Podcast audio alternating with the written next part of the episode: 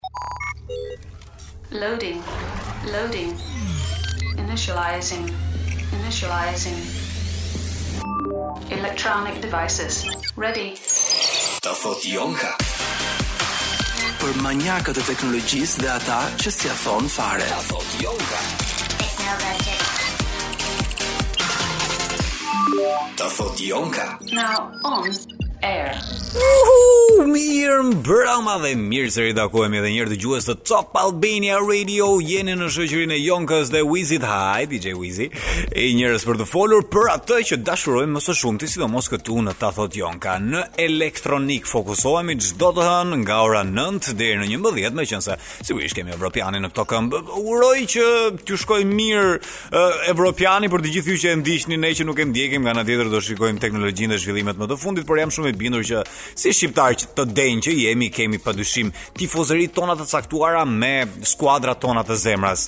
Uh, një kam përshtypjen se Italia është duke ecur mirë, Gjermania, Rafi, Portugalin pam pam, uh, nuk e kam idenë, nuk nuk jam njeriu i duhur për të folur për Evropianin, ama jam njeriu i duhur për të folur për teknologjinë dhe për zhvillimet më të fundit të elektronikës, të mënyrave të reja se si teknologjia po na ndërhyn në jetën tonë të përditshme, dhe padyshim të rrjeteve sociale, të të, të platformave digjitale, gjithçka të cilën le të themi kështu komuniteti geek e ka për zemër dhe e diskuton në rrethet e veta. Për fatin tonë të keq në një komunitet të tillë nuk është se e kemi dhe aq aktiv dhe këtë e dëshmon edhe fakti që mediat online apo jo online, mediat portalet ta themi tamam tamam, të dedikuara vetëm teknologjisë janë fare të pakta. Një prej tyre është Geek Room-i, të cilin do ta kemi të ftuar sot për të folur Brenton Bënjën, mikun tim do ta kemi të ftuar sot këtu për të folur në lidhje me temën e ditës së sotme që na çon pikërisht edhe tek tema.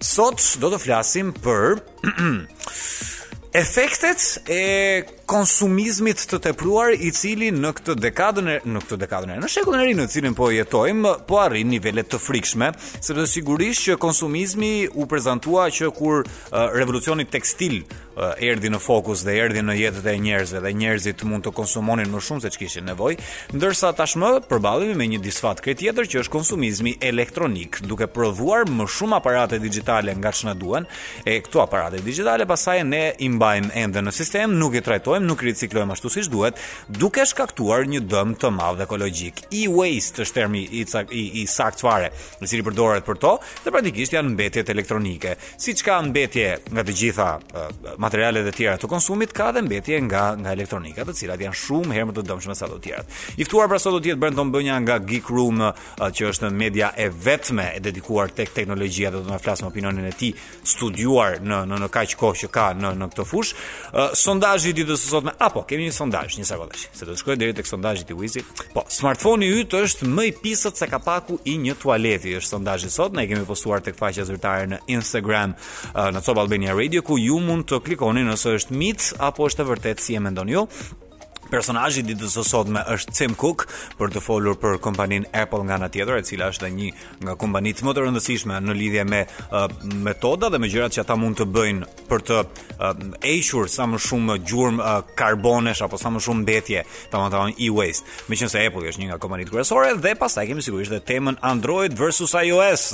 Apple nuk merr kurrë viruse. është një postulat që e keni të fiksuar në tru po nuk është tamam e vërtetë. Dhe Jonka sot ka zgjedhur që t'ju flasë për mbetjet, për mbetjet elektronike. Dhe përpara se të flasim për këtë problem madhor, të cilin do e do e do e ndajmë edhe në segmente, edhe në hapat që duhen marrë për ta parandaluar ose të paktën për të impaktuar pozitivisht, përpara se shkojmë aty, shkojmë një çik në të shkuarën, sikundër edhe traditë e kemi këtu në ta thotë Jonka për të folur një çik për smartfonin ose tamam tamam atë që në ato kohë nuk ishte një smartphone por ishte një dumb phone siç e quajnë amerikanët, një telefon në thonjëza budalla por një telefon i cili nuk ishte smart në kontekstin që sistemi i tij operativ nuk mund të modifikohej nuk mund të merrte aplikacione të reja nuk mund të ndryshonte nga njëri update tek update-i tjetër ishte ajo gjë që dilte nga fabrika të jepej ty në dorë qoftë ai me një touch screen, qoftë ai me butona.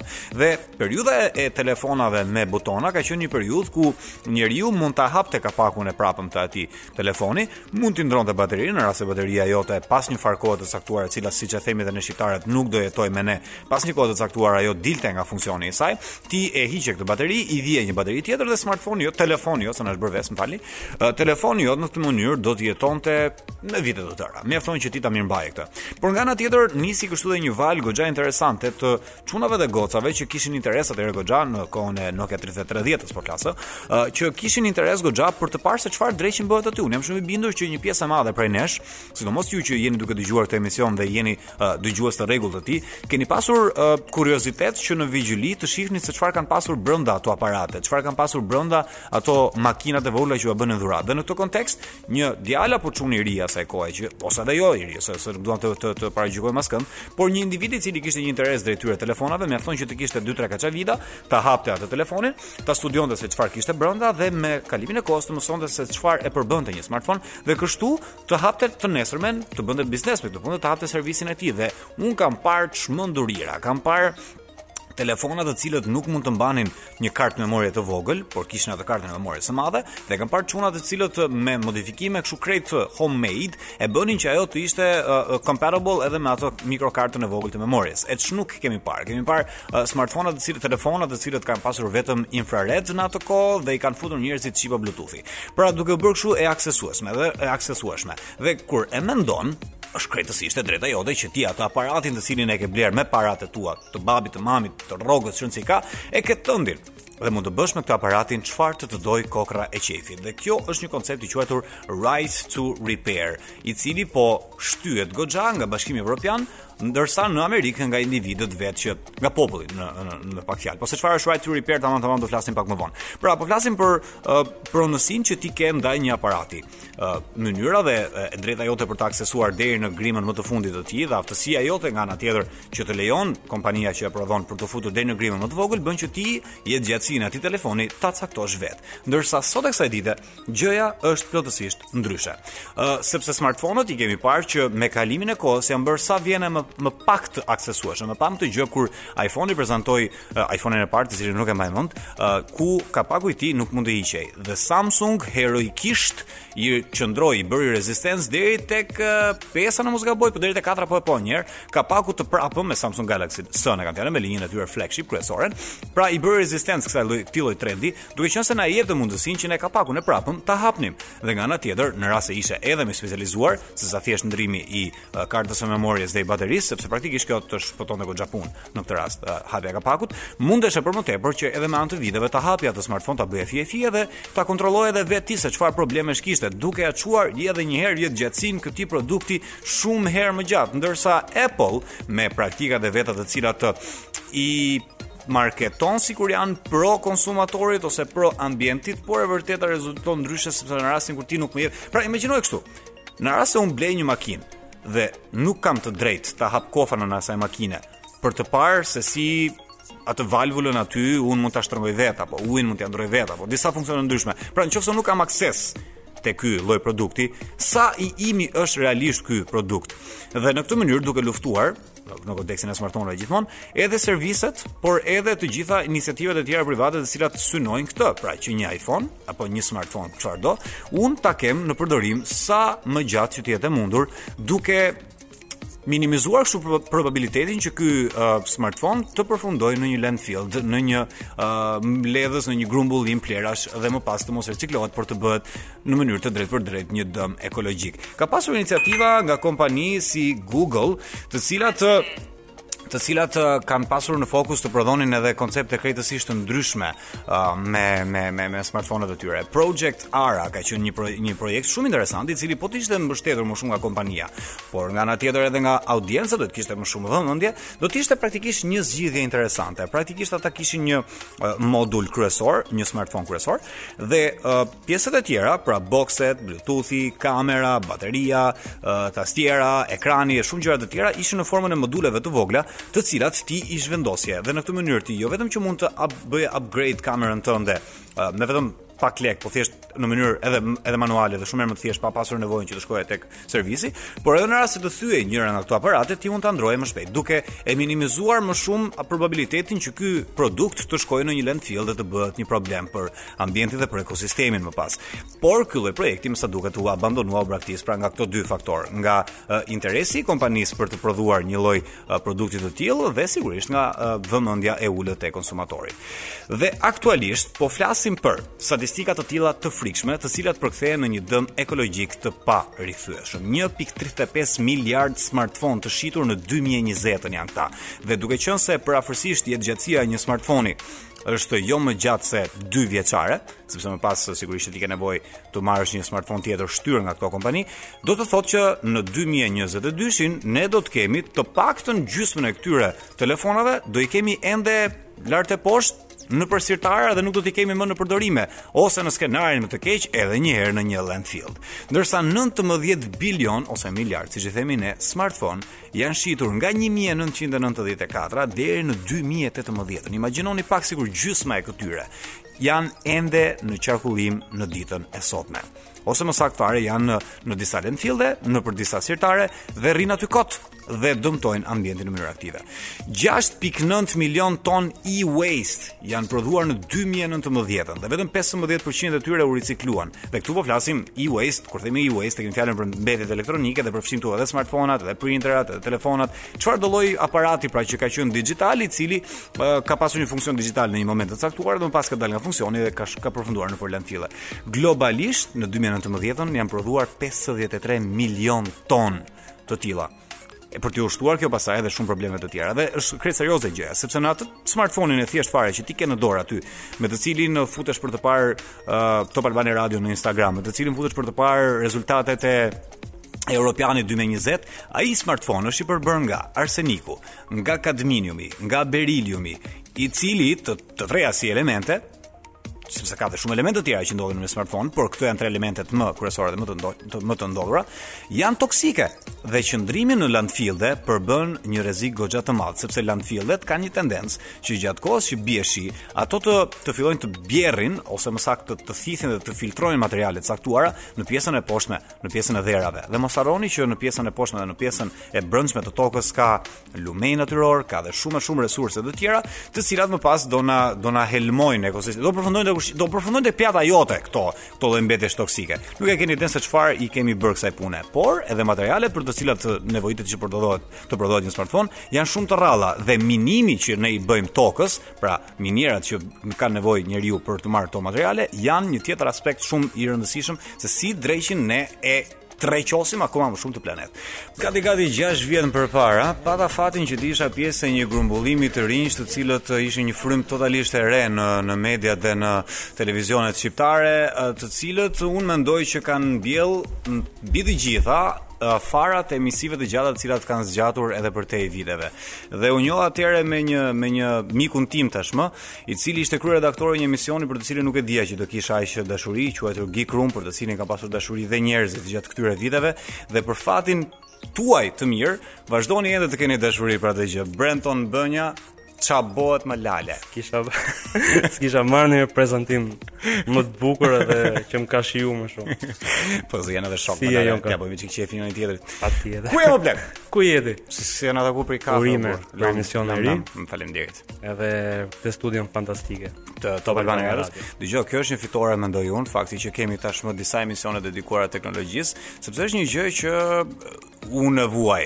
Unë si geek e vuaj sepse do duhet të kishte edhe më shumë materiale dhe më shumë komunitet për këtë punë, por ja ku jemi dhe nisim këtë gjë. Ti vetë që je praktikisht jeni tashmë sepse s'je vetëm ti te Geek Roomi, që je i vetmi e vetmja redaksi e dedikuar teknologjisë si të bën ndihesh kjo. Bën ndihesh mirë që je i pari dhe i vetmi apo të bën edhe do duhet të kishte çik më shumë konkurrencë. Në fillim më bënte të ndihesha mirë, mm. derisa arritëm edhe kemi pothuajse gati 4 vjet po themi eksperiencë në këtë fushë, po tani që filloi ta thotë Jonka, edhe edhe ndonjë emision tjetër pse jo apo ndonjë portal tjetër, mm -hmm. sigurisht që është mirë të ketë Absolutisht. Konkurrencë edhe po bashkë s'bëjmë dot konkurrencë. Ky është ja, problemi. Jemi miq të vjetër. Ë, uh, Brenton sot uh, do flasim, siç kena fol gjithmonë se nga ana tjetër uh, njerëzit pyesin ç'bëjnë dy geekër kur mblidhen me njëri tjetrin, apo kështu gjërash të mërzitshme flasim. Ë, uh, flasim sot për për e-waste, për të drejtën uh, e, e riciklimit, ë uh, dhe për faktin se tashmë shohim se okay, këto janë nisma globale, të cilat i përfshijnë gjithë globin, por ne konsumatorët shohim atë se çfarë na japin në fund fare kur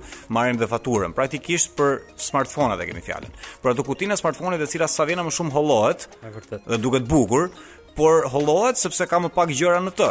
Ë, nisi me kufjet si fillim, me faktin që nuk mund t'i kishe kufjet uh, me atë uh, xhekun tradicional dhe tashmë tek gjenerata më e fundit e smartphone-ëve. Ka edhe karikues. U hoq karikuesi, adaptori tek Apple e pastaj e në fakt nisi me Apple, nuk hmm. ishte fare e sigurt ishin thashetheme që ne i dinim edhe i bisedonim në atë moment Megjithatë nisi me Apple me iPhone 12-ën, i cili jo vetëm se u prezantua pa kufje, por u prezantua edhe pa pa karikues. Pa adaptorin. Në fakt po, dhe në fakt në këtë moment gjatë prezantimit Apple-i sigurisht që iu desh të gjente një mënyrë për të justifikuar këtë veprim i cili u justifikua me faktin se po shkojmë drejt një bote carbon free, pra mm -hmm. pa karbon, i cili është një synim në fakt për gjithë Silicon Valley dhe për shumë kompani tjera për t'u arritur në 2030-ën. Mm -hmm. Dhe në fakt në momentin e parë që erdhi, ndoshta për faktin se ishte dhe Apple-i dhe është një nga kompanitë më të rëndësishme, mm -hmm. vendimi nuk u prit fare mirë. Mm -hmm. Reagimet ishin jashtëzakonisht shumë të këqija. ë një pjesë jashtëzakonisht shumë e vogël e përdoruesve e kuptuan që në fakt Po të bësh një llogari të mirë, ë ky smartphone-i pa karikues dhe pa kufje ka një çmim më të lirë fillestar. Mm -hmm, normalisht. Megjithatë, nga ana tjetër janë shumë pak persona që, ok, blejnë një iPhone, po themi 12 të ri, mm -hmm. dhe ndërkohë në shtëpi e kanë edhe kufjen e të vjetrit, edhe karikuesin e të vjetrit, edhe kjo gjë s'i prish punë edhe mm -hmm. i leverdis po themi për xhepin. Mm -hmm. Pjesa më e madhe çfarë ndodh? Kufjet Po themi është një objekt shumë defektoz, sidomos te Apple-i. Okej. Okay. Sepse fiton gati 2 miliard dollar në vit vetëm Sa? për vetëm për uh, për kufjeve, për aksesorëve. Për aksesorëve, okay. Po, edhe pastaj përveç kufjes që po thoja është edhe karikuesi i mm -hmm. cili Ok, nuk prishet, por humb shumë kollaj. Absolutisht. Ia jep shokut edhe ta përdori sik, ta ta bë gum shoku. Po, po. nga ana tjetër, edhe ai karikuesi i vjetër, Nuk është se funksionon tamam tamam mirë, sepse ok, nga gjenerata në gjeneratë nuk ndron çdo gjë tek smartphone-ët, por uh, arkitektura e karikimit padyshim që ndron nga njëra gjeneratë te gjenerata tjetër. Dhe ky karikusi i vjetër nuk e karikon tamam siç duhet atë Apple-in e ri, kështu që detyrimisht do blesh një të ri apo jo. Patjetër. Hmm. Do të blesh një të ri dhe kjo është një eksperiencë Shumë e keqe. Ne. Të kujtohet në fillim fare gjatë prezantimit të iPhone 12-s ose mm. po themi pak ditë më vonë mm. si u tall Samsung. E po, që tha që Samsung, Huawei. Kutia jonë tha ka ka karikues. Derisa pastaj doli edhe 21-shi edhe edhe, edhe Samsung. Edhe ato gjetën justifikimin e një po të pak. Po bëjnë të gjitha tani këtë punë. Të gjitha kompanitë. Pra, po themi këto dy kompanitë kryesore po, momentalisht nëse flasim për Xiaomi, për Redmi apo kompani të tjera, mm. vazhdojnë ende të kenë karikues edhe ah, po, okay. një pjesë e tyre edhe kufjet në në kuti. Mhm. Mm dhe vazhdojnë deri te. Po, po që besoj aty po shkojnë, nuk mm. është se Por ideja është këtu, sepse ajo që është akoma më, me rëndësi për t'u parë është edhe panorama e madhe, sepse realisht ty ta ta marketojnë sikur ne po heqim një objekt për të kursyer, Por nga ana tjetër, eksperienca e smartphone-it nuk është e plotë pa aksesorët e tjerë dhe gjithë në këtë në këtë aspekt pse po i biem Apple-it në qafë, po Apple-i padyshim që është kompani kaq e madhe sa që mund t'i referohesh pa pa, pa fund. Ë uh, ambienti, ekosistemi Apple është padyshim një një ekosistem i madh i cili është i projektuar në këtë mënyrë që ty të të detyrojë që të blesh aksesorave.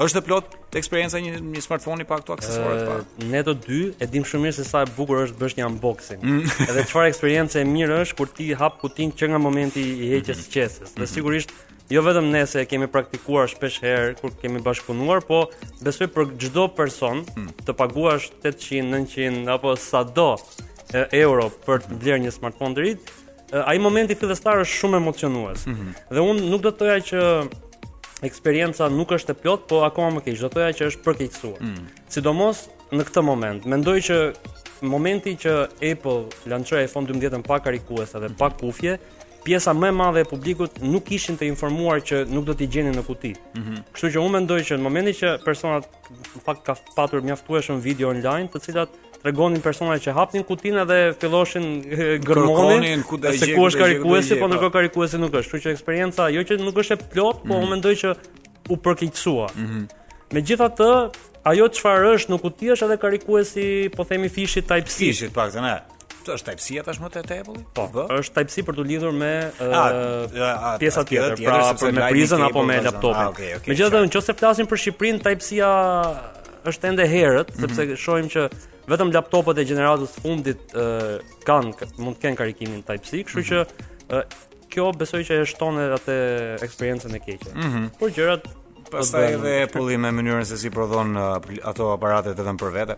Por uh, uh, ka dy botë bota e madhe dhe mënyra se si kompanitë raportohen me botën e madhe dhe mënyra se si kompanitë raportohen me Shqipërinë pastaj.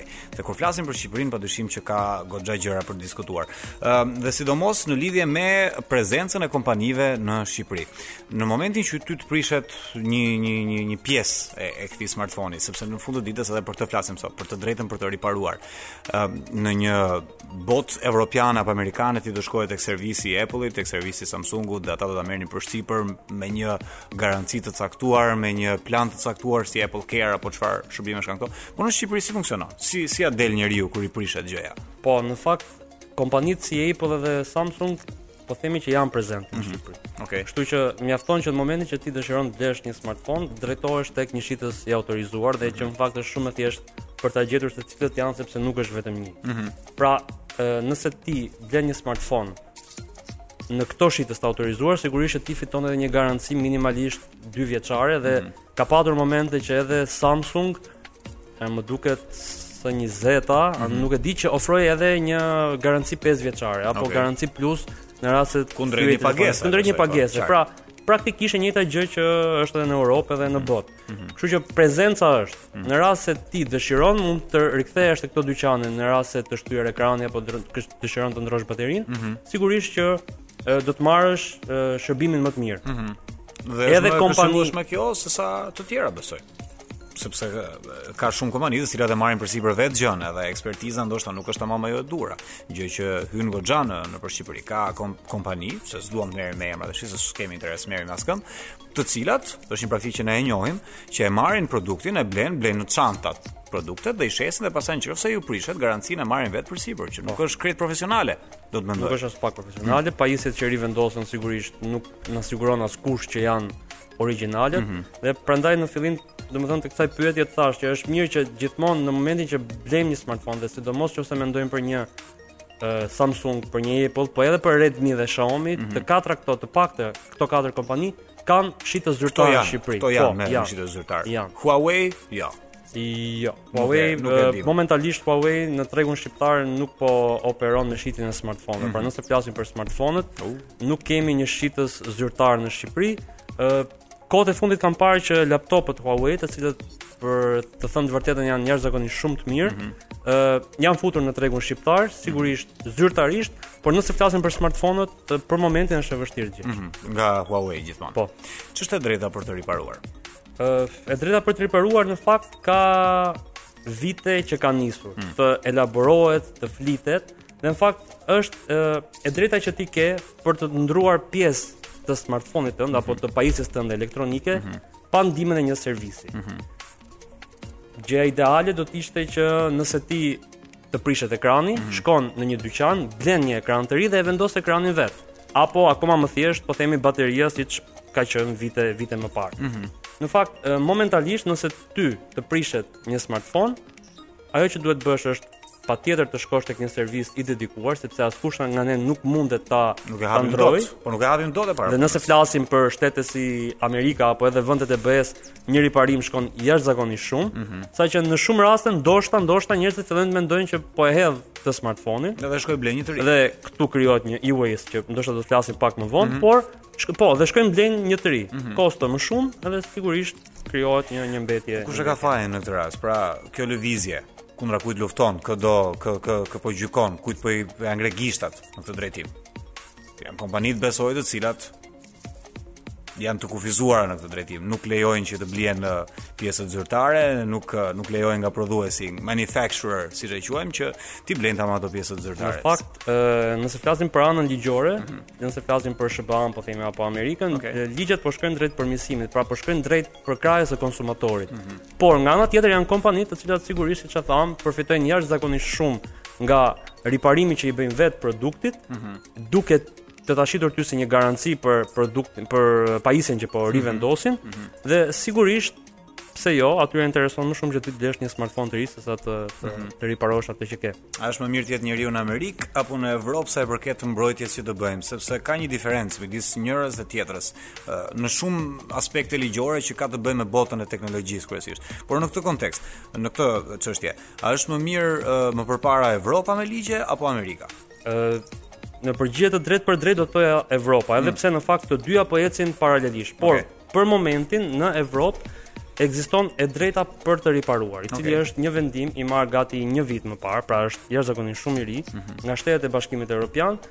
Aktualisht ekziston vetëm për pajisjet elektroshtëpiake, okay. që do të thotë ti ke të drejtën ose të paktën kompanitë janë të detyruara mm -hmm. që ty të të ofrojnë një riparim sa më thjesht të produktit. Mm -hmm. Nga informacionet që unë kam, ligji do të rishikohet gjatë vitit 2021 për të përfshirë produkte të tjera, që do të mhm. thotë dhe me shpresën tonë këtu janë edhe edhe smartphone-et. Mm -hmm. Megjithatë, vetë shtetet duket se po marrin dhe ato masa. Për shembull, nëse flasim për Francën, mm -hmm. uh, momentalisht përveç ligjit që sapo thamë të Bashkimit Evropian, mm -hmm. Franca ka dhe një ligj i cili detyron prodhuesit që në çdo lloj paketimi, smartphone, mm -hmm. televizor, çdo lloj pajisje, mm -hmm të përfshin një manual se si ti mund të riparosh problemet kryesore që smartphone apo televizori apo produkti jot mund të ketë. Po. Minimalja. Po, por kjo ndodh vetëm në në Francë. Vetëm në Francë. Wow. Dhe në fakt nëse vazhdojmë të flasim prapë për këtë mbrojtjen e konsumatorit mm -hmm. dhe rikthehemi prapë tek BE-ja, mm -hmm. ekziston momentalisht një konflikt midis Bashkimit Evropian edhe Apple-it. Okej. Okay. Pse? Sepse për të mbrojtur konsumatorin dhe ë uh, BE-ja dihet që mhm. synon të mbrojë konsumatorin gjithmonë, mm -hmm. po provon që kësaj radhe nuk është ligj, është mhm. ende një projektligj, mm -hmm. kësaj radhe të unifikojë uh, karikuesit Type C okay. për çdo lloj produkti që shitet në Evropë. Do ishte mirë.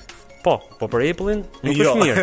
Se në fakt nuk është ishte dot ka një përgjigje. Po, ka një përgjigje zyrtare sepse mbetet akoma në në procesin e rishikimit të këtij ligji, pra nuk është ligj. Mhm. Kështu që Apple ka shfrytzuar këtë moment nga njëra anë për t'i thënë Bashkimit Evropian që ju po cënoni konkurrencën, sepse sipas Apple Lighting cable që ato përdorin është shumë më i mirë, shumë më cilësor e tjera e tjera. Që nga ana tjetër, që ne nuk e ndajmë si opinion, por nuk e ndajmë, po mm. ndoshta ato që na dëgjojnë e ndajnë. Okej. Okay. Dhe nga ana tjetër, duke qenë se akoma nuk është ligj, Apple nuk është kaq i fortë në në deklaratën e tij. Pra, nga ana tjetër thot, ë uh, ose po themi e falënderon Bashkimin Evropian që para disa vitesh mm -hmm. bashkë me USB Type B apo ato USB po themi normale, po të vjetra, po përfshiu dhe lighting cable. Pra i po. thotë që ju këtë gjë e bëtë mhm. para disa vitesh. Pse tani po kërkoni që konsumatori të përdorë vetëm mhm. Type-C? Sepse logjikisht është më e thjeshtë edhe për konsumatorët. Ideja po, ideja është e unifikimit, ideja është e thjeshtësimit. Pra, nëse ti ke edhe këto kufjet wireless që po përdoren gjithmonë më shumë, mhm. është mirë që ti të kesh vetëm një karikues edhe i përdor për çfarëdo lloj pajisje. Personalisht mendoj që do të rikthehemi ke ke Lightning Cable. Jo, do do vazhdojë të ekzistojë po, po, Lightning po, Cable. Ose do ketë strukturat e veta Apple-i, se si do të Ose do ketë një adapter që e-waste pro uh, uh, mbetja ose pollution ose tamam tamam ndotja që ne i bëjmë uh, përditë tokës me aparatet elektronike. Çfarë është? Jam Sa shqetësuese është kjo. Ti e the që janë 53 milion ton? Po, e thashë këtë shifër po, në fillim. E ndoshta e the dhe në mm. fakt më e keqja e kësaj është se janë gati 15 deri 20% prej tyre që riciklohen. Pjesa tjetër. Pjesa tjetër hidhet po themi në landfille, po dhe më e keqja është që ato digjen mhm. dhe materialet nga të cilat ato janë përbërë janë akoma më të këqija për për për mjedisin, po, për mjedisin. Mhm. Në fakt kjo është e keqja e e e-waste-it. Mhm. Po. Dhe pjesa më të madhe në fakt, nëse flasim për e-waste-in sot e zën procesorët. Mm -hmm. Janë pajisje të cilat ndryshojnë pothuajse çdo vit. Kështu që pothuajse çdo vit dalin procesorë të ri dhe logjikisht pothuajse çdo vit hidhen procesorë të vjetër. Mm -hmm, Ndërsa pajisja që po themi ka përqindjen më të vogël momentalisht për mhm. në e-waste janë ekranet. Okej. Okay. Sepse së pari janë shumë më rezistente se sa po themi çdo pajisje tjetër. Normal. Dhe së dyti, një pjesë e mirë e ekraneve janë lehtësisht dhe mos mendojmë për smartphone, mm -hmm. mendojmë më shumë për televizorët, po, okay. për ekranet më të mëdhenj, po. janë lehtësisht të riparueshëm. Ëh. Uh -huh. Megjithatë, momentalisht, ë, uh, po një televizor ti kur e merr nuk e ndron çdo 2 vjet ti. Besoj, ka një gjatësi më të madhe. Po, ka një gjatësi, sigurisht, këtë them, ka një mhm. gjatësi më të madhe. Megjithatë për momentin, ë uh, po e kalojmë atë periudhën e LED-it. Kemi mhm. OLED, kemi QLED, kemi LED, pra po shtohen jashtëzakonisht shumë teknologjitë e ekraneve, mm -hmm. gjë që do të thotë që ndoshta jo në Shqipëri, por në nivel global apo në vendet e zhvilluara, mm -hmm. po rritet jashtëzakonisht shumë kërkesa për këto ekrane të reja. Po, për këto ekrane të reja që logjikisht do të thotë që ti do të hedhësh një televizor që ndoshta e ke blerë dhe para 2 vjetësh, mm -hmm. sepse ishte LED dhe nuk është QLED, mm -hmm. sepse ti ke para ta blesh. Po. Dhe në këtë mënyrë edhe ky produkt që ne thamë ekrani, po kthehet pak nga pak në një ndikues të madh të, të e-waste. Mm -hmm. Po. Mhm. Kështu që edhe edhe kështu ndikojnë pra edhe me home appliances për ditë. Bukur, atëherë kompanitë Nga ana tjetër, sigurisht që duan të shfaqen bukur përpara konsumatorit, përpara ligjvënësave dhe premtojnë herë pas here që do të Apple në prezantimin më të fundit thanë që ne do të jemi carbon free e duke hequr adaptorin heqim kaq milion ton mbetje njërën tjetrën. Çfarë janë uh, ato gjërat që ne mund t'i bëjmë si konsumatorë, por edhe kompanitë kanë janë zotuar se mund t'i bëjnë. Në fakt shumë pak mund të bëjë prodhuesi mm. ose të themi më mirë janë dy gjëra specifike. Mm -hmm. Së pari, të krijojë pajisje që janë lehtësisht të riparueshme mm -hmm. dhe së dyti të ketë mundësi që në rast se këto pajisje nuk përdoren më, të ketë mundësi që t'i mbledhi dhe t'i eliminojë në vendet e caktuara, në po. vendet e po. e duhura. Mm -hmm. Kaq mund të bëjë prodhuesi. Ndërsa çfarë mund të bëjmë ne si konsumatorë? Mm -hmm. Këtu pastaj ka shumë vend edhe ndoshta mund të themi edhe disa pika se çfarë mm -hmm. mund të bëjmë vetë ne si konsumatorë. Okej. Okay. Së pari është shumë e rëndësishme që ne të përdorim në mënyrë të përgjegjshme produktet elektronike. Okej. Okay. Dhe kjo gjëja nuk është kaq e madhe sa duket, mm -hmm. por është shumë e thjeshtë. Është shumë mirë që për jetëgjatësinë e laptopit tonë mm -hmm. ta pastrojmë tastierën, pastrojmë touchpadin, të pastrojmë kanalet e karikimit, Mhm. Më mirë ta mirëmbajmë pra praktikisht. Të pastrojmë ventilatorin ndoshta, pse? Mm -hmm. Sepse sigurisht kjo do të rrisi jetëgjatësinë e laptopit tonë. E njëjta mm -hmm. gjë edhe për smartphone-in, është shumë e rëndësishme që të pastrojmë karikimin. Okej. Okay. Edhe kjo në fakt portën e karikimit. Portën e karikimit. Po. Së dyti duhet të gjejmë mënyrë për të ripërdorur pajisjet e vjetra. Okay. Në Geekroom.al para disa kohëve ne kemi postuar një artikull ku kemi dhënë disa mënyra se si ti mund të ripërdorësh. Mm -hmm. Kohët e fundit ka një zhvillim shumë të madh të Zoom-it, të Skype-it të këtyre mjeteve të komunikimit mm -hmm. për mhm. shkak edhe të punës edhe të pandemisë, kështu që një mënyrë shumë e mirë që ti mund të përdorësh smartphone-in tënd të vjetër është ta kthesh në një web kamera. Mm -hmm. Prap kamerën ti mund ta përdorësh edhe si një security kamera dhe mm -hmm. ka mhm. pafund aplikacione free që ti mund t'i përdorësh edhe te smartphone-i si security kamera. T'i përdorësh, wow. pra duhet që ti të gjesh një mënyrë t'i ripërdorësh, mm -hmm. të mos i lësh sirtarëve dhe të mos i hedhësh. Mm -hmm. Së treti ti mundesh t'i dhurosh këto produkte, okay. mund të ketë Sigurisht, vëllai, motra, një kushuri, një shok që mund ta dojë pajisjen tënde dhe ndoshta është më mirë që ti t'ia dhurosh, ta vazhdosh, mm -hmm. ta përdorësh atë sesa ta mm -hmm. ta ta rikthesh në përdorim. Mm -hmm. Dhe kemi kohë? Uh, kemi kam vështirë kemi fakt pak fare kohë, duhet të shkëputemi. Shkurtimisht fare fare, do të mhm. thoya mm -hmm. disa gjëra sepse në fakt ndoshta janë shumë të rëndësishme. Okej, okay, jepi. Uh, është mirë që në rastin se ti produkti me vërtet nuk mhm. bën, mm -hmm. në vend që ta hedhësh është më mirë ta dërgosh ke servisi që ke pranë shtëpisë sepse do e riciklojë. Sigurisht, ndoshta nuk e riciklon, po ndoshta din se ku ta hedhi mm -hmm. dhe mhm. së dyti ndoshta merr vetëm një dy pjesë prej tyre që mund të përdoren dhe i mhm. përdor për diçka tjetër dhe i fut në sistem përsëri. Pra, kështu që kjo është një mundësi akoma më më mm -hmm. nice. Brenton, tash i dhe ikësh? Me vrap apo si ti e di vetë. Dgjoj. Ë uh, ishte kënaqësi një herë para punës dhe e dyta punës bëhu për kafe se lam nam, u bëmë kaq kohë. Ë uh, dhe për e-waste, ok, folëm sot do të flasim për gjëra të tjera. Shumë suksese ty dhe Geek Roomit, uh, shumë të fala Xhonit dhe në të gjitha venturat e reja që do të vazhdojë Geek Roomi dhe uroj jetën e gjatë ta ketë. Faleminderit. Uh, dhe kënaqësi. Kënaqësi, kënaqësi. Faleminderit. Sot po flasim për mbetjet elektronike. Ishim pak përpara me mikun tim Brenton Bënja nga Geekroom në lidhje me këtë çështje, me aspektin ekologjik të përdorimit të smartphone-ve, por nga ana tjetër gjëja është shumë herë më e madhe, është shumë herë më më shumë më me më shumë dimensione se sa aq, sepse konsumizmi i 2020-s nuk përfshin vetëm smartphone-at, përfshin edhe Çfarëdo lloj gjëje digjitale e cila ka një ekran aty me touch tashmë se s'kemi ç'i bëjmë vetëm ajo na hyn në sy, ë e cila në një moment të caktuar del nga përdorimi dhe bëhet pjesë e landfilleve duke u bërë kështu një potencial goxha i madh për të ndotur ambientin në të cilin po jetojmë. Nëpër ato landfillet ku ku qëndrojnë pra me, me dekantinohen këto aparatet, materialet e tyre degradohen dhe bëhen pjesë e ekosistemit i cili mund të ketë dhe një lum aty në ujore, mund të ketë shumë pra praktikisht kthehen përsëri në pjatën tonë. Të gjitha këto mbetjet duhet ta kuptojmë që kthehen përsëri në pjatën tonë. Nga ana tjetër, edhe materialet e rralla që kërkohen për t'u bërë një smartphone janë uh, vin, le të themi kështu, në tek duart e prodhuesve nëpërmjet një procesi të minimit, pra të minierave, të cilat janë shumë shumë shumë uh, të dëmshme ose të paktën jo fort të përgjegjshme, sepse për nxjerrjen e këtyre materialeve përfshihen shumë gjëra.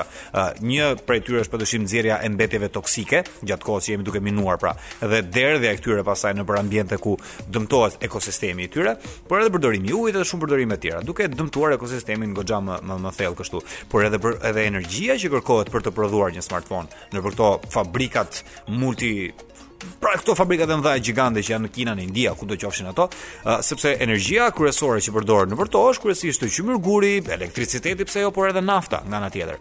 Dhe e kemi kuptuar këtë punë tashmë, duke qenë se jemi duke bërë një shifting nga makinat me djegie të brendshme tek makinat elektrike, duke qenë se e kemi kuptuar tashmë që um, le të themi kështu resurset fosile ose uh, hidrokarburet nuk janë më një një një një resurs i mirë, ato ishin, por ne, duke qenë se kemi qenë të uritur e kemi çorientuar një tjetër sistem të të zinxhirit të të të të, të, të mbijetesës. Dhe praktikisht ajo që po ndodh është kjo, një specie e mbipopullon një sistem dhe do të fillojë gradualisht të hajë zinxhire të të hallka të zinxhirit ushqimor. Në këtë moment praktikisht kjo specie e mbipopulluar jemi ne, qenia njerëzore dhe duke qenë se kemi nevojë për më shumë gjëra, jemi duke jemi të uritur pra praktikisht dhe jemi duke ngrënë sasi të tokës, të ekosistemit ku jemi duke jetuar në një mënyrë krejtësisht të papërgjegjshme.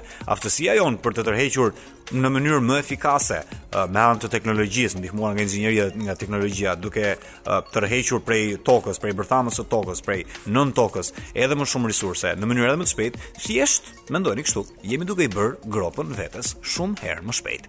Okej, kjo është një aspekt. Kjo është një përgjegjësi e madhe për të cilën të gjithë kemi gisht në të dhe kjo mund të parandalohet edhe në vendime që ne personalisht mund të marrim. Pra praktikisht nuk kemi nevojë pse të blejmë një smartphone në çdo gjeneratë që ndërrohet, sepse Realisht ua them këtë gjë në kaq vite sa kam që e ndjek teknologjinë dhe teknologjinë elektronikën për konsumatorin, pra duke parë edhe ndryshimet nga një gjeneratë te tjetra, është vështirë të të them nëse realisht ka ndonjë ndryshim të madh nga iPhone 11 tek iPhone 12. iPhone 12 ka vetëm atë kamerën LiDAR që është ajo kamera 3D, por prapë nuk është njëfarë ndryshimi marramendës, pa të cilin ti nuk do bëje dot në Instagramin tënd, i cili atë lloj teknologjie as e vë dot fare në në në zbatim. Në rast se do të ishe një DOP, një person që përdor kamerën dhe i duhet, ok, por nuk jemi të gjithë prodhues filmash për për Oscar. Dhe kjo është një nga mënyrat se si mund ta bëjmë. Por nga ana tjetër, Ok, individi ka në dorë disa gjëra, por janë korporatat ose organizimet shumë të mëdha, ato të cilat kanë përgjegjësi dhe kanë pushtetin dhe fuqinë nga ana tjetër që realisht të bëjnë një impakt. Por a e bëjnë kompanitë e mëdha këtë punë? A janë ato aq ekologjike sa duhet? Le të marrim përsëri Apple-in, uh, i cili uh, një produkt për çdo lloj kompanie, jo vetëm Apple, një produkt tashmë, e prodhon që të rezistojë që të ketë një një jetëgjatësi jo më të madhe se 2 vjet. Shihe pak në shifrat e downloadeve të sistemeve operative që ti merr. Në një Android kjo është ashiqare sepse jo më shumë se sa 3. Pra, duke numëruar kështu dhe atë që aktualisht smartphone-i jot ka, jo më shumë se 3 sisteme operative mund të bëhen uh, update tek smartphone-i jot. Kurse tek Apple ndryshon gjëja. Dhe uh, është një rregull i shkruar në 1930-ën uh, në ligjin e tregut pas depresionit të madh, nuk e di se për çfarë arsye, i cili parashikon dhe sugjeron që një produkt nuk duhet të jetojë më shumë se sa 2 vjet. Ë dhe kompani si Apple pastaj nga ana tjetër shkon edhe më larg duke bërë që aparatet e vjetra, duke të detyruar ty që të lësh aparatin e vjetër dhe të blesh një aparat tjetër, këtë aparatin e vjetër që është tashmë le të themi një gjeneratë më mbrapa, ta ngadalësojë atë.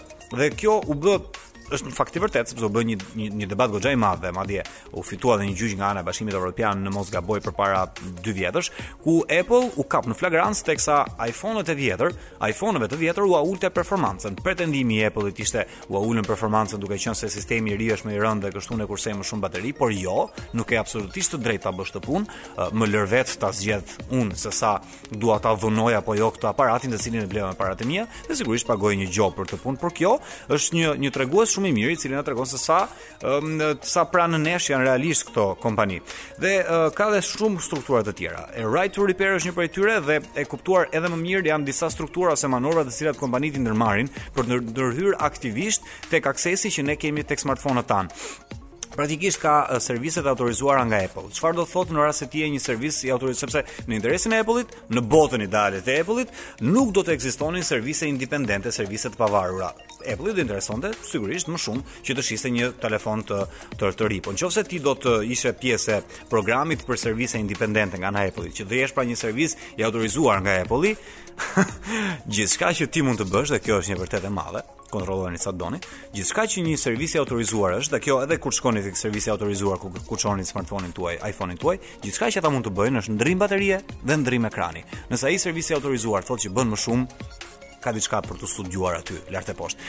Dhe kjo bën që nga ana tjetër, ëm um, ti të mos kesh akses për drejt një servisi tamam të plotë le të themi, sepse ky uh, servis i autorizuar, por edhe çfarëdo servisi tjetër i paautorizuar, nuk ka të drejtë që te OEMs, tek ato fabrika të cilat marrin porosinë për të prodhuar një sasi të caktuar çipesh nga Apple, nuk ka të drejtën që të blejë tek ky prodhues, ose më saktë prodhuesi i këtyre çipeve që merr porosinë duhet t'ia shesë në mënyrë ekskluzive vetëm Apple-it që është një monopol i madh në këtë drejtim, sepse në këtë mënyrë ne i themi konsumatorit që ti konsumator i dashur nuk mund ta bësh rregullimin. vetëm unë si Apple, vetëm unë si Samsung di ta bëj këtë punë, ti nuk e merr dot atë kaçavidën në dorë dhe t'i hapësh këto gjëra. I mbani mend kohët kur e hapnim atë Nintendon me kaçavidë, i frynim 2-3 herë sipër, bënim me pak alkool ato çipat dhe mirë kaq dhe Nintendo-ja funksiononte tamam ashtu siç duhet. Ndërsa sot e kësaj dite, vetëm pak fare vida ka një smartphone, duke bërë shumë herë më të vështirë për ta uh, hapur këtë smartphone. Ah, dhe një gjë tjetër, tek ato serviset e autorizuara, besojeni ose jo, paradoks i madh, Apple-i ka mënyrën e vet se si i prodhon këto smartphone dhe ka mënyrën e vet pasaj se si i prodhon veglat për të hapur këto smartphone, këto vegla nuk ia shet atij servisi të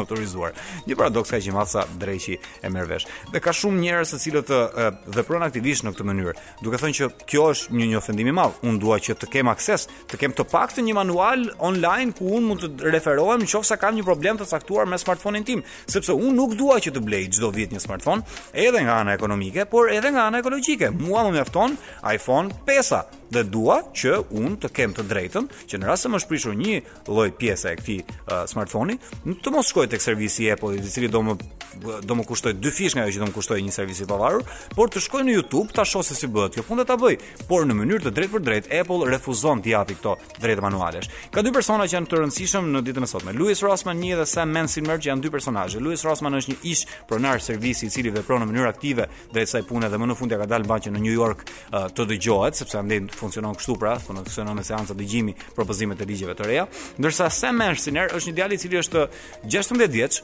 dhe në seancën dëgjimore në të cilën do të jepen vetëm 3 minuta për të argumentuar mendimin tënd Ai tha se ka që 12 vjeç që merret me servisin e smartphone-ve vetëm nga intuita dhe vetëm nga videot e YouTube-it. Dhe Njësoj siç atij u prish një lavatriçe dhe kishte një manual përdorimi se si mund të rregullonte një pjesë të caktuar, duke i kursyer vetes qindra dollarë servise dhe javë pritje, do të donte shumë që edhe një smartphone ai ta përdorte në këtë mënyrë. E këto janë pastaj ato uh, strategji ose ato lloj hapash, të cilat realisht, realisht, realisht do të të mundësonin që të konsumonim më pak e jo më heqja një adaptori i cili nga ana tjetër do detyrojë që ta blesh se s'bën, një adaptor të ri. Kështu, për këtë diskutojmë sot, për uh, e-waste dhe për mbetje, të cilat kompanitë thonë se duan që të kenë një ekosistem shumë herë më të shëndetshëm, por nga ana tjetër nuk është se janë dhe aq të updateuar dhe nuk është se janë dhe aq efikas. Kështu që nëse ka disa këshilla, janë ato që na tha dhe Brendoni pak më përpara, riciklo, minimizo numrin e përdorimit, pra në këtë rast të konsumit, mos e bli uh, smartphone-in nga gjenerata në gjeneratë dhe Mos e hidh atë në landfill. Ripërdoroje, rifute përsëri në sistem. Çoje tek vendi i duhur që do të riciklohet ose jepja një kushëriri ose merre përdore përsëri sepse në rast se ke një smartphone të vitit 2021 dhe ke në anën tjetër një smartphone i cili është goxha i vjetër, i cili Ok, shumë funksione të tjera nuk mund t'i bëjë, por ama funksionin e një media playeri ose music playeri mund ta bëjë. Në qoftë se do të duhet të kursesh edhe pak bateri nga smartphone-i jot kryesor, përdore këtë smartphone-in e vjetër si një MP3 player, vëri dhe kufjet e vjetra, përdore në palestër, përdore ku duash. Pra ka shumë mënyra të tjera. Mund ta vësh ato siç tha dhe Brendoni në formën e një security camera, ka shumë shumë shumë mënyra të tjera. Është shumë e rëndësi që ta emanciponi ose ta mm, stimuloni pra çështjen e riciklimit, duke qenë se kurdo që të shkoni në fakt nëpër uh, servise apo nëpër vende të cilat janë le të themi kështu uh, shitëse zyrtare të aparateve elektronike të cilat kanë një hapësirë të dedikuar se ku mund ta hedhësh atë smartphone-in tënd, se ku mund ta hedhësh atë uh, fijen e kabllit, se ku mund ta hedhësh atë adaptorin e gjëra të tilla, sepse me sa duket, dhe këtë ma tha Brendoni, por nuk na doli koha që ta themi këtu live,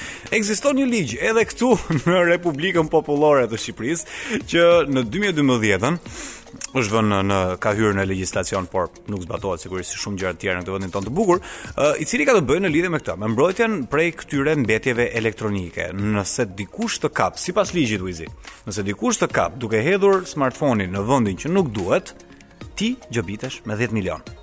10 milion lekë të vjetra gjobë në rast se ti e hedh në vendin jo të duhur, në qoftë se nuk e hedh në kutinë e riciklimit. Kështu që për ta shmangur diçka që nuk do të ndodhë, le ta pranojmë tashmë.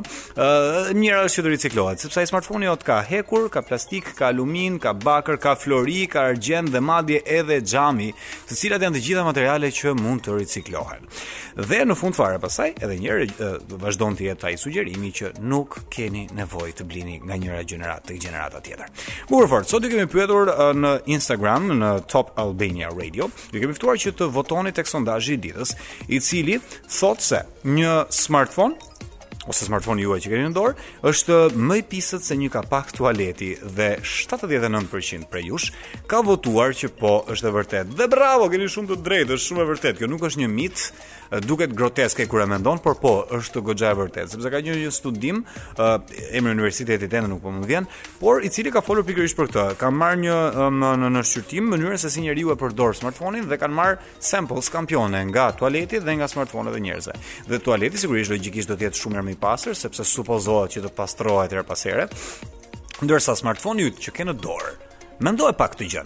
Sa herë që kur e ke blerë atë smartphone e ke larë apo e ke pastruar?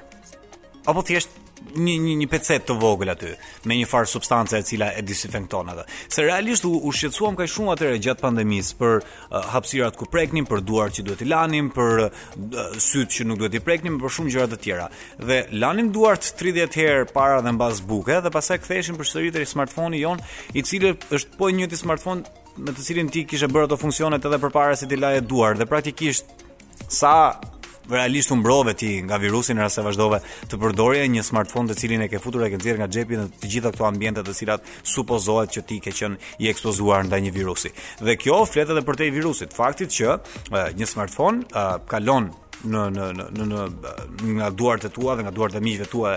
Pra bie në kontakt në mënyrë indirekte me shumë agjentë të tjerë të cilët e bënë atë që të jetë një burim bakteresh dhe një bukurim mikrobesh.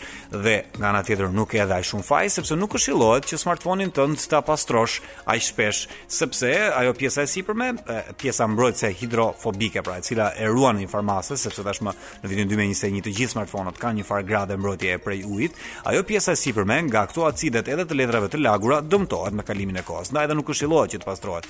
E vetmja mënyrë për ta pastruar edhe nga viruset, por edhe nga mikrobet dhe edhe nga shumë aspekte të tjera janë ato kutitë UV, ato kutitë me ultraviolet light me me me me, me rreze ultraviolet, pra, të cilat do të kushtonin një 100 e ca dollarë, por do të shërbenin në këtë lloj mënyre. A do ishe i gatshëm që ta blije një lloj aparati të tillë? vendose vetë. Personazhi i ditës i ditës së sotme është pjesë e ambientit të Apple-it, të cilin e bëmë telef sot e di, por s'ke ç'i bën. Kur je një kompani kaq e madhe sa Apple-i, padyshim që do vihesh në shënjestër dhe të mos më keqkuptoni, ë. Unë jam kundra shumë gjërave dhe mënyrave se si Apple funksionon, ama që është për të studiuar dhe për të respektuar se si një kompani e tillë ka marrë botën në pushtet, është padyshim që është shumë e bukur. Njerëzit zakonisht, okay, do doni që të flisnim për Steve Jobsin, por Steve Jobsit do t'ia dedikojmë një një një emision ndoshta të tërë më vete kur të flasim edhe më në detaje për Apple-in. Ndërsa sot kemi zgjedhur që të flasim për CEO-n aktual të Apple-it që quhet ndryshe Tim Cook, sepse njerëzit kanë një një një një farë ideje që është Steve Jobs truri i Apple-it dhe është Steve Jobs përgjegjës për gjithçka që Apple ka arritur deri më sot. Okej, Steve Jobsi ka qenë nismëtari, themeluesi dhe goxha kontribues në fillimet e kësaj kompanie, dhe sidomos një njeri me një intuitë goxha të madhe për sa i përket krijimit të aparateve të reja dhe për të kuptuar konsumatorin. Ama mos harrojmë që kompanitë, ndryshe nga ç'duken, Pjesën më të madhe të kohës, sidomos në fillimet e tyre, por edhe në momente të caktuara të timeline-it, janë kryesisht nëpër borxhe goxha të mëdha. Dhe ishte pikërisht ky njeriu, të cilin do të marrim sot në studim, që quhet uh, Timothy Donald Cook ose ndryshe Tim Cook, CEO aktual i Apple-it, i cili e nxori nga borxhi uh, që kishte Apple-i dhe jo vetëm kaq, por ia ristrukturoi komplet gjën duke e bërë atë që të të të ta ta i sillte Apple-in aty ku duhej për dhe nga ana tjetër që ta çonte edhe më përpara dhe kjo është arsyeja sepse ai sot e kësaj dite vazhdon të jetë aty se njerëzit thonë nga doli ky Wozniaku shoku i, i Steve Jobsit si u zhduk ashtu ok ka pasur çuna dramat e tyre atëherë Timothy Donald Cook quhet ai dhe i lindur në 1 nëntor 1960 aktualisht shefi ekzekutiv i Apple Incorporation që në 2011 sigurisht në momentin kur u nda nga jeta dhe Steve Jobs Ai, uh, uh, me sa duket, uh, është uh, ka lindur në Mobile, nuk e dija që ekzistonte një qytet me emër të tillë në Alabama, në Shtetet e Bashkuara të Amerikës. I rritur në një familje baptiste, i ati paska qenë një punëtor i uh, anijeve, pra punëtor në mol praktikisht, ndërsa Geraldina e ëma e vet paska qenë një farmaciste.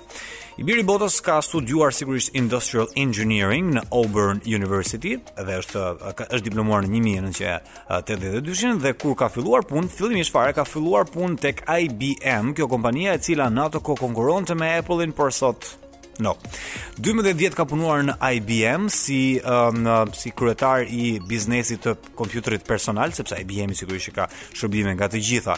drejtimet e më pas shkoi dhe punoi për diku tek 6 muaj me Compaq, që është një tjetër kompani goxha e rëndësishme, goxha e madhe, sidomos pastaj në ato vite kur në 97-ën Apple-i ende ishte një kompani konkuruese me këto emra, dhe në këtë kohë u punësua nga Steve Jobs dhe ka qenë Steve Jobs i cili në 98-ën i ka ofruar atij një një pozicion dhe Cook shkoi dhe dhe dhe, dhe e bëri këtë intervistën me me me Apple dhe me Steve Jobs. Dhe ai thotë që në atë kohë ai mban mend se njerëzit ishin duke i thënë që për pozicionin që ti ke në Compaq dhe për reputacionin dhe për potencialin që Compaku ka si si kompani, do të ishte një gafë e madhe për ty nëse ti do të pranoje që të shkoje të punoje për një kompani siç është Apple-i. Por uh, Tim Cook ka thënë që kanë qenë vetëm 5 minutat e para dhe intuita ime që më bënë të besoja tek Steve Jobs dhe të kuptoja që ky njeriu ishte një njeri me vizion goxha të madh, dhe të bindesha që në fillim që t'i hidhja të gjitha ato investime që kisha bërë në kompanitë e tjera deri në atë kohë dhe të besoja te kjo familje e madhe si Apple. Dhe vetëm me 5 minutat e para intuita e tij ishte ajo që e bëri atë që dhihet sot. Dhe ai ka shkuar dhe ka uh, është pozicionuar le të themi si vice president ose si zëvendës president për operimet uh, mbarë botërore dhe lëvizja e tij e parë ka qenë ajo e mbylljes së shumë fabrikave dhe shumë magazinave dhe duke i zëvendësuar këto me kontrata prodhuesish. Pra praktikisht Apple nuk kishte nevojë që të pro, dhe nuk ka aktualisht nevojë që të ketë fabrikat e veta të prodhimit, por në vend të kësaj thjesht kontrakton një fabrikë të caktuar duke i dhënë arkitekturën dhe parametrat e caktuara për një aparat të nevojshëm dhe thjesht bën porosinë e caktuar. Dhe është kjo mënyra se si funksionon, duke i shkurtuar kështu në atë kohë ë nga muaj në ditë që i duheshin punëtorëve për të bërë inventar edhe uh, hallka të tjera. Duke bërë kështu në mënyrë direkte që ta ulte borxhin e, e, e Apple-it në mënyrë të frikshme. Nga një Apple i cili kishte diku deri në 95-ën, uh, 11 bilion, uh, le të themi, uh, borxhe, sepse ishte me sa duket në një spirale death spiral siç e përshkruan ai në atë kohë, duke i hequr pra nga nga nga nga nga qafa këtë peshë prej 11 bilion, duke ulur nga 95, 98 në 6 bilion. Ndërsa sot e kësaj dite ata sigurisht janë një kompani super gjigante me me fitime marramendëse. Pra, kjo na tregon se si ndonjëherë Uh, jo ai që është në spotlight është njeriu kryesor. Është Tim Cook në këtë rast që është një shembull kryesor, i cili na tregon që ok, Steve Jobs ishte ky njeriu me potencial goxha të madh dhe me vizion goxha të madh nga ana tjetër, ka qenë Tim Cook ai që e ka mbështetur nga mbrapa dhe ka pasur vizion jo për sa i përket gjës se si mund të shkojë një produkt, por më shumë për të mbështetur dhe gjërat mbrapa. kësaj pune. Riformatimet që ai ka bërë kompanisë janë le të themi përgjegjëse për atë se çfarë Apple-i është sot. Ky ishte Tim Cook, rubrika e fundit për sot Apple ose më saktë iOS versus Android, se përse mendojmë ne se cili sistem është më i mirë dhe sigurisht në fund të ditës fare pastaj varet plotësisht nga preferencat tuaja se çfarë preferoni ju, të jeni më shumë Google fans apo Apple fans. Po, e kemi kapur përsëri me Apple-in dhe një një një një mit që ekziston përgjatë përdoruesve ka të bëjë me faktin që Ata mendojnë se një Apple ose një iOS nuk merr kurrë kurrë viruse. Dhe kjo është një e pavërtetë kaq e madhe, sepse në rast se një Apple, një Android ka qenë një herë e një kohë goxha më vulnerabël, kjo ka të bëjë me mënyrën se si këto dy sisteme operojnë dhe janë plotësisht të ndryshme nga njëra tjetra. Okej, janë sisteme operative, pra gjuha kryesore me të cilën pjesët mekanike ose pjesët hardwareike komunikojnë me pjesën softuerike për të të ofruar ty pastaj të gjitha shërbimet, pra një iOS, një sistem operativ, janë dy sisteme operative kryesore, njëra është Android dhe tjetra është iOS. Uh, Androidi ka një sistem, një një një uh, një open source, pra kodin e vet e ka open source. Kodi i vet pra praktikisht është mënyra se si ai funksionon, pra uh, aspekti dixhital i këtij sistemi operativ.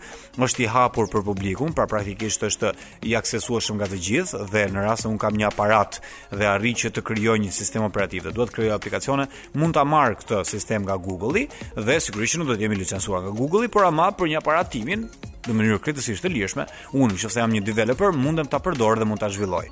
Kjo bën që nga ana tjetër Androidi të jetë më i predispozuar drejt zhvilluesve të këtyre smartphone-ve, të, të këtyre aplikacioneve, të cilat mund të jenë në raste të shumta edhe keqdashës. Pra, t'i ketë letrat më të hapura, le të themi dhe më vulnerabël në këtë sens. Po kjo nuk e bën sistemin e Google-it më pak, uh, le të themi uh, të të, të ruajtur ose më shumë vulnerabël, sepse është vetë Google-i i cili ka strategjitë e veta dhe mënyrat e veta se si i mbron dhe krijon firewalls apo mure kundrejt këtyre softuereve malicioze, të cilat janë praktikisht një virus është kjo, një software i cili mund të futet në mënyrë jo zyrtare në kompjuterin tënd dhe të të të shumëfishoj veten e pastaj duke të rezultuar deri edhe në vjedhje të dhënash. Nga ana tjetër, sistemi operativ i Apple-it, pra sistemi iOS është plotësisht i mbyllur, duke të e para njëherë mos të ta shfaqur ty kodin e burimit, kodin kryesor të vetin të mos ta qarkullosh askund lart e poshtë, duke e ruajtur kështu pra edhe më shumë, duke e minimizuar aksesin që zhvilluesit e këtyre programeve malicioze do të kenë, por nga ana tjetër duke uh, e rrotulluar të gjithë formën e shërbimeve të veta në një formë krejtësisht të mbyllur, duke qenë se ti nuk mundesh të shkarkosh lart e poshtë çfarëdolloj aplikacione ose të paktën deri deri disa vjet më përpara, sepse sot mundesh që të shkarkosh edhe nga burime të treta. siç i quajnë ndryshe third party third party uh, developers. Por praktikisht deri dje ty Apple-i të lejonte që të shkarkoje vetëm nga Play Store-i i vet, vetëm nga dyqani i vet, sot mundesh, okay.